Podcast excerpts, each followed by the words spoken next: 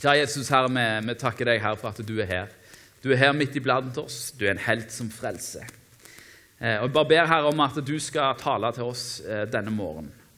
Eh, at du skal tale til hjertene våre, sånn at vi får større innsikt og blir utfordra og kommer dypere i vår etterfølgelse av deg. Amen. Det som er mitt tema i dag, er noe som jeg har kalt for grunnloven i Guds rike. Det vil si at eh, sannsynligvis er det jeg kommer til å snakke om i dag, noe dere har hørt mange ganger før.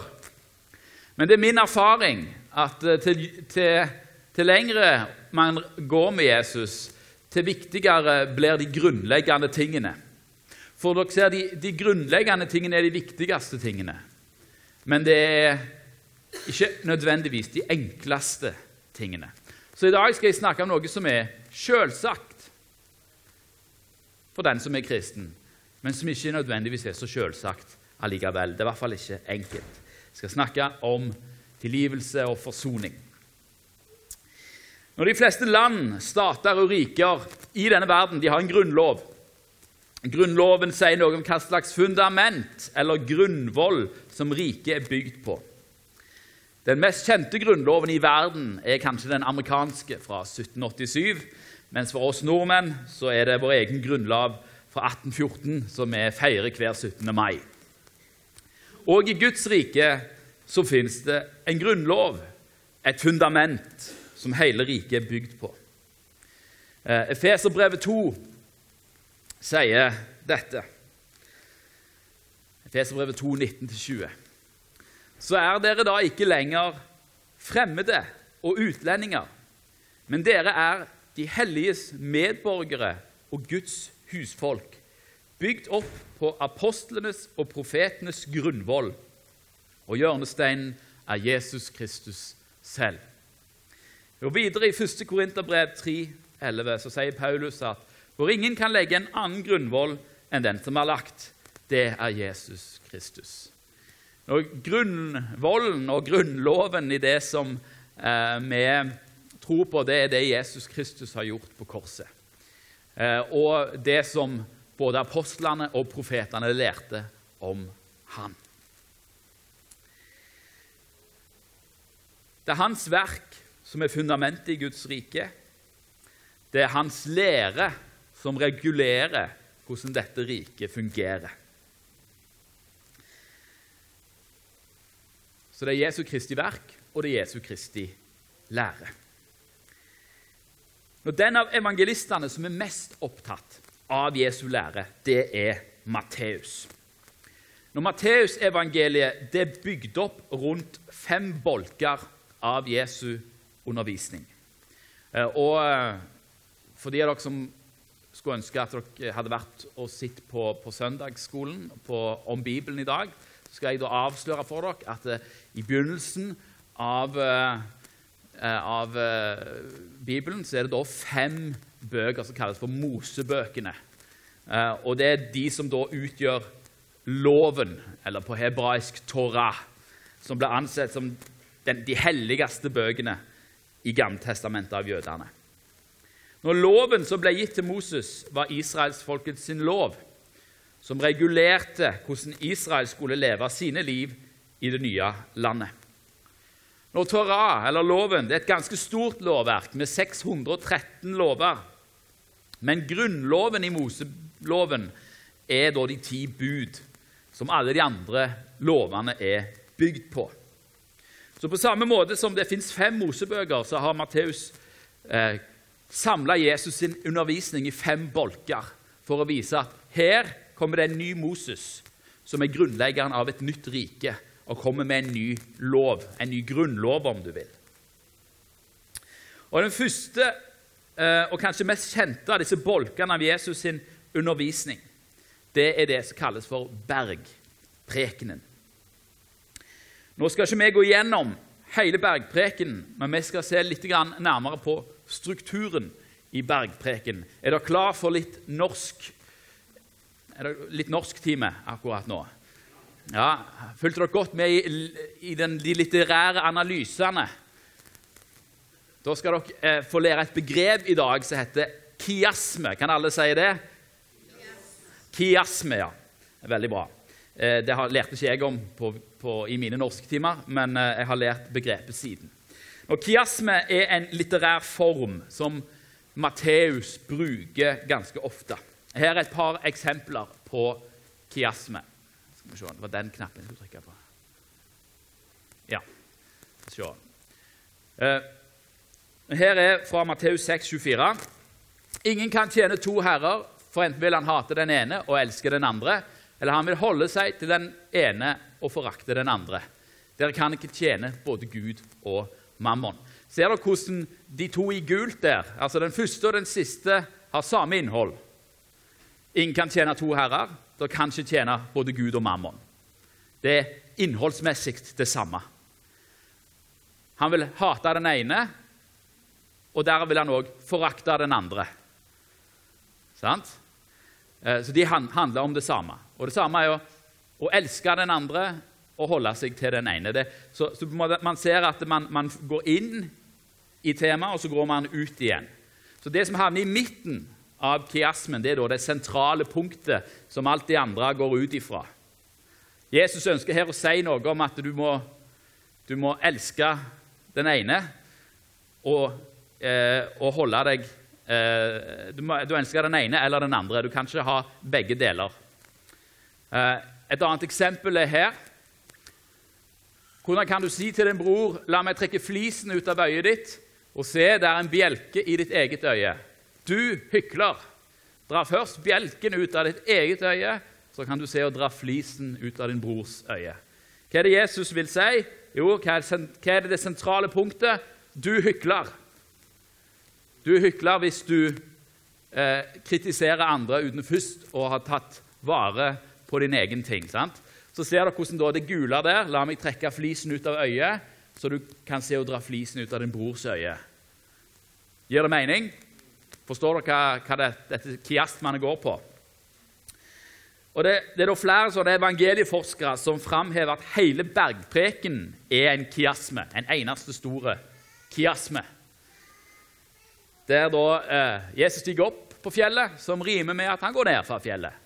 Han har saligprisningene, som da er salig er den som eh, er fattig i ånden, salig er den som Ja, og så har du advarslene, som det rimer med.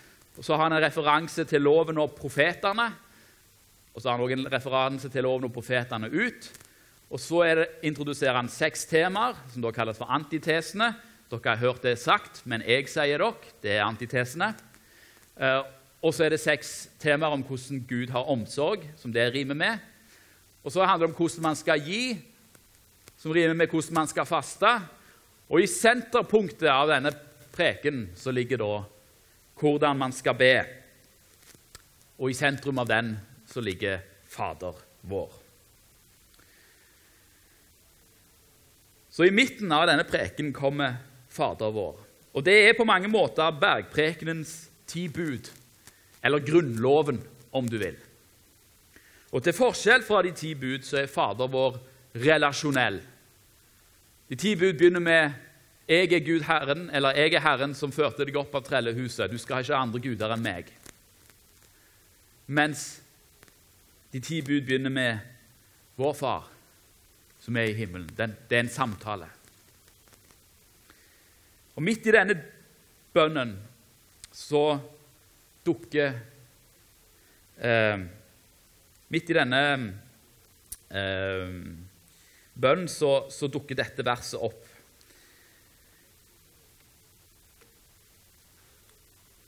Eller den kommer rett etter Fader vår. Men eh, sentralt i bønn Fader vår er bønn om at eh, Forlat oss vår skyld, som vi òg forlater våre skyldnere. Og at dette er selve hovedpoenget med denne bønnen med Fader vår. Det kommer fram i det neste verset, som er dette. For dersom dere tilgir menneskene deres overtredelser, da skal også deres himmelske Far tilgi dere. Men om dere ikke tilgir menneskene deres overtredelser, da skal heller ikke deres himmelske Far tilgi det dere har forbrutt. Enhver grunnlov har noen verdier som ikke kan forhandles på. I den norske grunnlovens siste paragraf, 121, står det fast at ingen endringer kan skje i Grunnloven som strider mot prinsippene i loven eller i ånden til konstitusjonen, som det står. I den norske grunnlovens tilfelle så det er her snakk om prinsipper om folkesuverenitet, ytringsfrihet, rettsstat. I Guds rike så er det dette prinsippet som ikke kan forandres på. Og Inngangen til Guds rike er gjennom Guds kjærlighet og vilje til å tilgi oss i Jesus Kristus. Jesus soneoffer er døra inn i hans rike. Guds tilgivelse i Kristus Jesus, det er det vi står på. Det er Grunnloven. Og fordi dette her er essensen av hva Guds rike handler om, så bruker Jesus så sterke ord om tilgivelse at hvis vi ikke tilgir, så tilgir heller ikke Gud. Men dette, dette høres ikke ut som protestantisk kristendom, gjør det vel? Må vi gjøre gjerninger for å komme inn i Guds rike? For Når du leser dette verset isolert sett, så ser det ut som at det, det er en forutsetning for å komme inn i Guds rike at jeg må eh, evne å tilgi. At det er min evne til å tilgi som en forutsetning for å motta Guds tilgivelse. Men sånn er det ikke. Det er ikke sånn dette ordet skal forstås. Det skal heller forstås dit hen at hvis du virkelig har forstått dybden i din egen synd, dybden i hvor mye du skylder Gud, og når du ser hva Kristus har gjort for deg hvordan han har sletta ut ditt skyldbrev, hvordan han har utsletta dine synder, så kan ikke du annet enn å tilgi de rundt deg. Du kan ikke annet enn å tilgi de som har synda mot deg, fordi du er så over, eh, hva skal si, overvelda av Kristi tilgivelse mot deg. Blir du blitt svett av dette? Det er bra. Syns du dette er litt vanskelig? Dette er basic, men det er vanskelig. Det syns disiplene òg.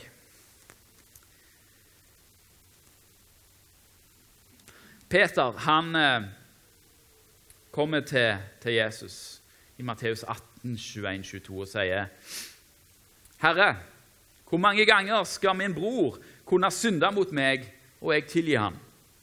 Inntil Sju ganger. Og Det Peter sier her, det er sinnssykt raus. Peter han føler seg raus. I den praksisen på den tida var det vanlig at det tre ganger holdt. Det var sannsynligvis etter profeten Amos, eh, som på en måte der de tolka profetens budskap i den retningen. Svaret fra Jesus må ha forbløffa Peter. Jesus sa til ham, 'Ikke sju ganger, sier jeg deg, men 70 ganger sju ganger.' Lukas sier dette her, sier at om noen kommer hver dag og synder mot deg, ja, så er det 70 ganger sju. Det sier noe om vår grunnholdning. Grunnholdningen i vårt liv skal være tilgivelse. Tilgivelse, tilgivelse. Den kjente forsvareren, forsvarsadvokaten Brynjar Meling, han fikk en gang spørsmålet hvor godt kan du egentlig Norges lover og strafferetten. Eh, og Svaret han ga, var jeg snakker Norges lover flytende. Av Jesus' svar så skjønner vi at uh, tilgivelse er noe vi som Jesu etterfølgere skal snakke flytende. Det skal være en grunnholdning som ligger til grunn for alt vi gjør. Men hvordan kan det være det, da? Hvordan kan denne tilgivelsen bli en grunnholdning i, i, i vårt liv? Jo, det er bare hvis du har sett hvor høyt du er elska. Og det er bare hvis du har sett hvor høyt du er tilgitt, og hvor mye du har blitt ettergitt. Du vet, du bør stå opp hver morgen og rope 'halleluja'. Gud har tilgitt meg. Det bør være grunnholdningen i våre liv. Jeg eh, hørte en gang et, et vitnesbyrd eh, av eh, Dette var ei amerikansk dame som var fra eh, New York, tror jeg, eh, og som eh, gjennom 70-åra hadde levd et ganske utsvevende liv med rus og forskjellige ting. Og når hun ble frelst, og Gud åpenbarte seg til hun. Hun ble frelst fordi hun møtte Guds kjærlighet. Og Det første som Jesus sier til hun, det er ikke at hun skal slutte å røyke hasj. Jeg repeterer det var ikke at hun skulle slutte å røyke hasj. Det, er kanskje noe med, altså, det må du få vekk med en gang. Det kommer tidlig i prosessen. Men før det så sa Jesus, 'Gå og tilgi mor di'. Gå til mor di og tilgi mor di. Hvorfor det? Jo, fordi det er der alt satt. En grunn til at man begynner å ruse seg. En grunn til at man levde et utsvevende liv. Og hennes mor hadde gjort forferdelige ting, eller tillatt forferdelige ting å skje. Og Gud var nødt til å komme, komme med sin tilgivelse og sa 'tilgi mor di'. Og Hun gikk og ba mor si om tilgivelse. Og mor, mor svarte hva da for? Hun så det ikke engang, men hun var nødt til å bli satt i frihet og få det tilgivelseslivet på innsida. Dette er grunnloven, folkens. Dette er det første. Dette er det viktigste. Og dette er vanskelig. Etter at Jesus har svart Peter, så forteller han en lignelse og Denne lignelsen skal jeg fortelle to ganger. Jeg skal lese den for dere to ganger. Så Nå kan dere finne fram biblene deres hvis dere har dem med. For den kom ikke opp der. Eh, vi skal til Matteus 18.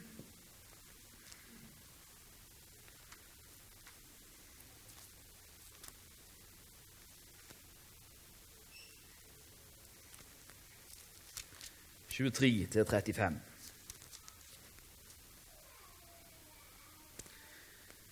Jesus sier der Derfor er himlenes rike å ligne med en konge som ville gjøre opp regnskapet med tjenerne sine. Da han begynte med oppgjøret, ble det ført fram for ham en som skyldte 10 000 talenter. Skal vi se eh, Ja, se her, vet du. Har jeg hoppet litt i ah, ja, ok. Ja. En som skyldte 10 000 talenter. Men da han ikke hadde noe å betale med, bød Hans Herre at han skulle selges, han og hans kone og barn og alt han eide, og gjelden betales. Tjeneren kastet seg da ned for ham og sa, 'Ha tålmodighet med meg, så skal jeg betale deg alt sammen.' Herren hadde da inderlig medynk med denne tjeneren. Han løslot ham og etterga ham gjelden. Men da tjeneren kom ut, møtte han en av medtjenerne sine som skyldte ham 100 denarer. Han grep fatt i ham, tok strupetak på ham og sa, 'Betal det du skylder.' Medtjeneren falt da ned for ham og bønnfalt ham og sa, 'Ha tålmodighet med meg, så skal jeg betale deg.' Men han ville ikke. Tvert imot. Han gikk av sted og fikk kastet ham i fengsel. Der skulle han sitte til han hadde betalt det han skyldte. Men da medtjenerne hans så det som hendte, ble de svært bedrøvet, og de gikk og fortalte sin herre alt som var skjedd. Da kalte Hans Herre ham for seg og sa til ham, Du onde tjener, hele gjelden din etterga jeg deg fordi du ba meg. Burde da ikke også du vise barmhjertighet mot medtjeneren din, slik jeg viste barmhjertighet mot deg? Og Hans Herre ble vred og overgav ham til dem som piner, inntil han betalte alt han skyldte. Slik skal også min himmelske Far gjøre mot dere, om ikke hver og en av hjertet tilgir sin bror. Altså ikke bare i ord, men av hjertet tilgir sin bror. Jeg sa jeg skulle lese dette to ganger, fordi det her noen ting blir lost in translation.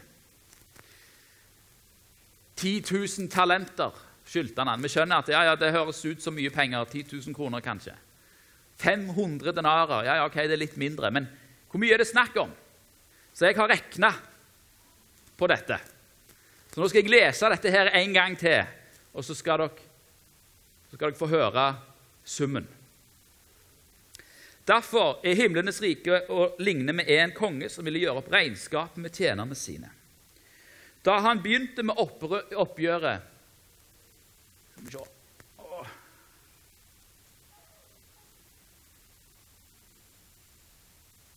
Nå ville ikke denne her. Det er typisk. Der, ja. Da han begynte med oppgjøret, ble det ført fram for ham en som skyldte 97 milliarder 500 millioner kroner. Men da han ikke hadde noe å betale med, bød Hans Herre at han skulle selges, han og hans kone og barn og alt han eide, og gjelden betales. Tjeneren kastet seg da ned for ham og sa, 'Ha tålmodighet med meg, så skal jeg betale deg alt sammen.' Herren hadde da inderlig medynk med denne tjeneren. Han løslot ham og etterga ham gjelden. Men da medtjeneren kom ut, møtte han en av medtjenerne sine som skyldte 162 600 kroner. Han grep fatt i ham, tok strupetak på ham og sa, 'Betal det du skylder.' Jeg trenger ikke lese resten, tror jeg.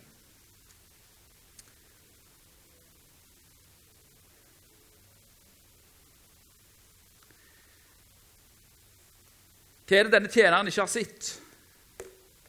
Han har ikke sett hvor mye han har blitt ettergitt. 97,5 milliard det er mer enn det norske forsvarsbudsjettet.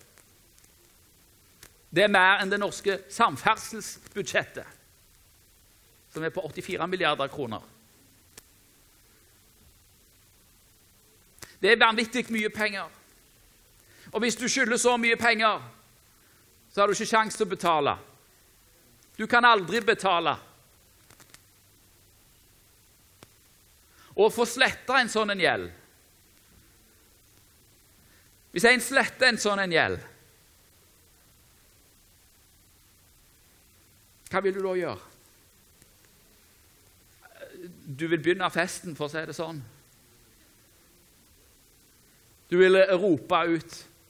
Du vil peke på han som etterga deg den gjelden, og sa, si, 'Vet du hva? Det er den beste Herren ever.'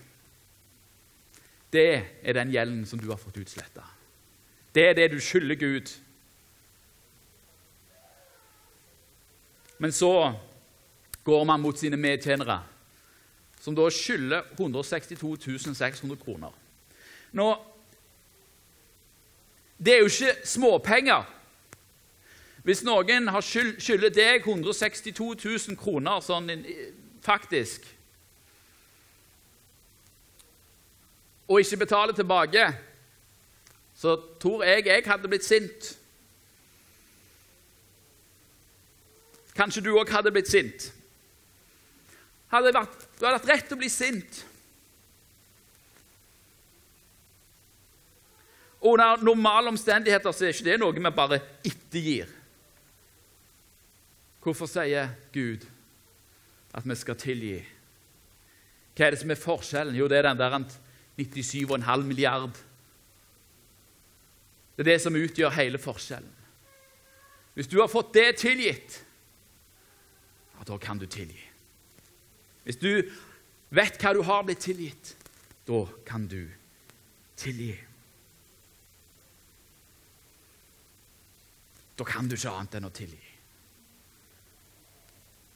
Så hvorfor er det så vanskelig da å tilgi? For det koster jo noe å tilgi. For du har jo blitt såra. Det er jo reelt. Hvis du trenger å tilgi noen, så er det fordi enten har svikta deg, eller såra deg, eller synda mot deg. Så det å, det å tilgi, det, å gi slipp på det og ikke bruke det mot dem, ja, det koster. Nå skal jeg gå litt praktisk til verk om tilgivelse. For eh, tilgivelse er, er vanskelig. Eh, og det blir også komplisert fordi at eh, man tenker litt lettvint på det.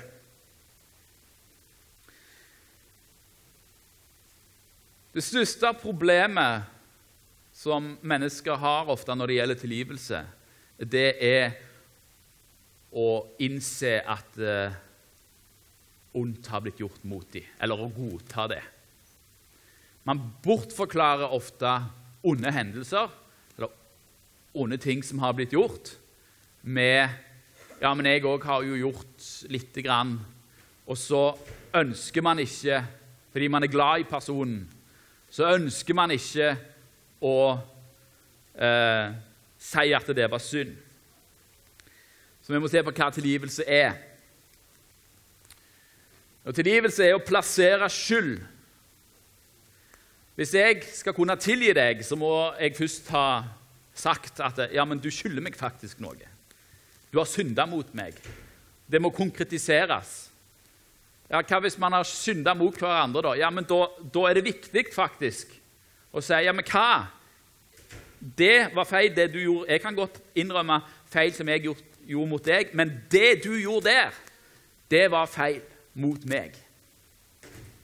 Plassering av skyld. Det er det første. Det er den første ledd på veien mot tilgivelse. Tilgivelse er jo òg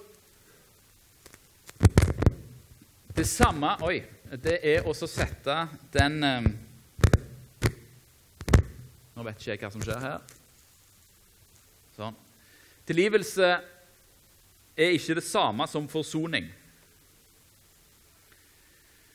Du kan tilgi uten at noen ber deg om tilgivelse, men du kan ikke bli forsont med noen uten at uh, noen har bedt deg om tilgivelse. Men du kan tilgi uten at noen ber deg om tilgivelse. Jesus gjør dette når han henger på korset. Tilgi de, Herre, for de vet ikke hva de gjør. Og Lederne i folket de kom aldri til Jesus og ba om tilgivelse, men han ga det. Jesus har tilgitt hele verden, han. Men hele verden er ikke forsont med Jesus. Hva må til for å bli forsont med Jesus? Jo, du må innse din egen synd. Sånn er det mellom mennesker òg. Det kan ikke bli forsoning uten at den andre ber om tilgivelse. Men du kan tilgi. Og det er viktig, for når du tilgir For når synd har, opp, har, har um, skjedd mellom to mennesker, så oppstår det et bånd av skyld mellom dem. Og når du tilgir, så kutter du det båndet. Du kutter det skyldbåndet. Så du setter den andre fri, ja, men du setter òg deg sjøl fri. Ved å ikke kreve hevn, tilbakebetaling eller oppreisning for synd begått mot deg, så settes ikke bare den andre i frihet, det du òg settes i frihet. Hvis ikke dette båndet blir løst, så vil det forgifte begge parter for alltid. Synderen han blir bundet i skyldfølelse. Offeret blir bundet i, i bitterhet. Skyldfølelse og bitterhet. Tilgivelse frir begge parter fra syndens lenker, og av og til også konsekvenser, men ikke alltid. Av og til så får det som er dumt med synd. Det får konsekvenser, selv om det er tilgivelse der. En annen ting som er sant om tilgivelse, er at det ofte er en prosess.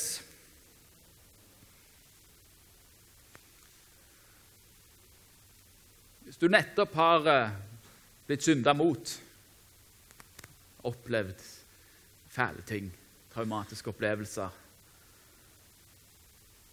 Så begynner man ikke med ja, Da er det litt teit å komme opp og si at ja, du må tilgi. Nei. Det begynner først med en vilje til å tilgi. I begynnelsen så må du rase fra deg først. Helst ikke mot vedkommende, men du må få det ut. Du kan begynne med å lese noen salmer. Det er veldig god på akkurat det der. Men det starter med viljen til å tilgi. Og Så kommer man til stadiet der man uttaler at man tilgir. Jeg vil tilgi. Jeg tilgir deg. Og til sist så kommer følelsen av å ha tilgitt.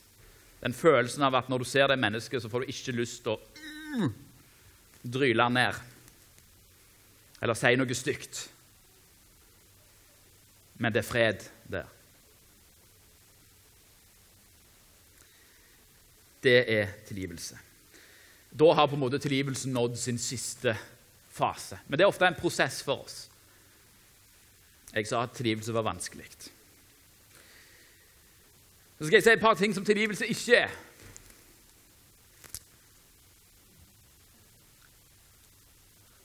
Tilgivelse er ikke lettvint. Det er ikke sånn at eh, Ja, men jeg må jo tilgi. Jeg har ikke valg underforstått. Jeg har ikke lyst til å tilgi, men jeg må jo det, for Jesus sier det. Sorry. Av hjertet tilgir sin bror. Det holder ikke bare å si 'jeg tilgir'.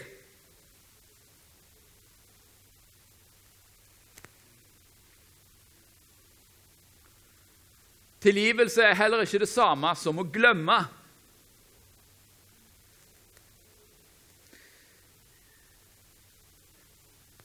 For det er sånn når man ikke vil ta tak i de sårene som har blitt skjedd mot en Man vil ikke innrømme at man ble såra, for man har litt stolthet i det.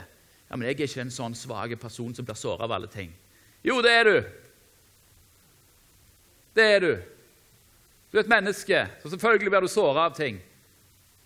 Det ligger i grunnen, grunnen av det å være menneske. Selvfølgelig blir du såra. Men eh, så tar vi en sånn stiff upper lip og så sier vi nei, jeg lar meg ikke bli såra av det. Så jeg bare glemmer det som har skjedd, så fortsetter jeg som om ingenting hadde skjedd. Men det er ikke tilgivelse. Å glemme er ikke tilgivelse, for du glemmer ikke. Og så går sårene bare dypere. Og så er det den siste. Tilgivelse er ikke det samme som tillit.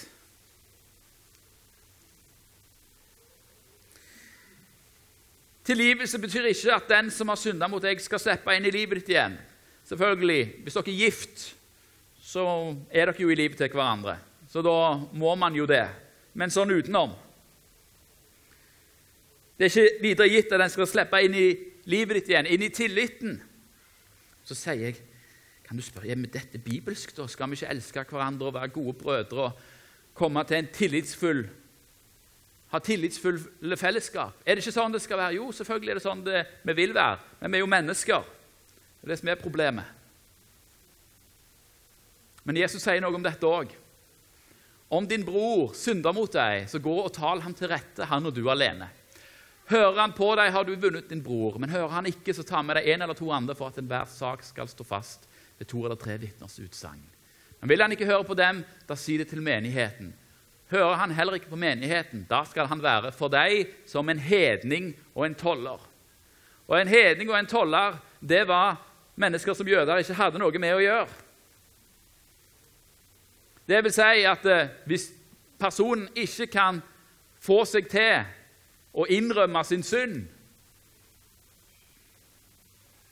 så skal ikke du Ja, du skal tilgi, men da er det ingen forsoning. Da trenger du ikke ha noe med den personen å gjøre. Trenger ikke være tett på livet ditt. Og Dette er ikke jeg som sier, dette sier Jesus. Disse var mennesker man ikke spiste med, ergo man hadde ikke tillit. Så personen skal tilgis, men du trenger ikke å invitere personen inn i livet ditt igjen. Jeg skal gi noen andre eksempler fra Bibelen. Fra Matteus 10, 14 så står det at er det noen som ikke tar imot dere og ikke hører deres ord, da gå ut av det huset eller den byen og rist støv av føttene. Ikke bli der dere ikke er velkomne. Når de forfølger dere, altså synder mot dere, i én by, så flykt til en annen. Dette gjorde Jesus sjøl. Han flykta mange ganger. Og så har vi Paulus og Barnabas som ikke er enige i misjonsstrategien. Eller de er uenige om en bestemt person som heter Johannes Markus. Og Da står det at det ble så bitter uenighet at de skiltes fra hverandre. Dette her er jo helgener. Vi snakker ikke mye om helgener da, i, i vår tradisjon, men dere skjønner, dette er jo Paulus har jo skrevet mesteparten av Nystestamentet. Og så skiltes de av. Ja, men dette var jo brødre, De hadde jo samarbeida, de elska jo hverandre, ja, men de klarte ikke å bli enige om dette. Og De var så uenige at de ikke kunne ha noe med hverandre å gjøre. De gikk hver sin vei.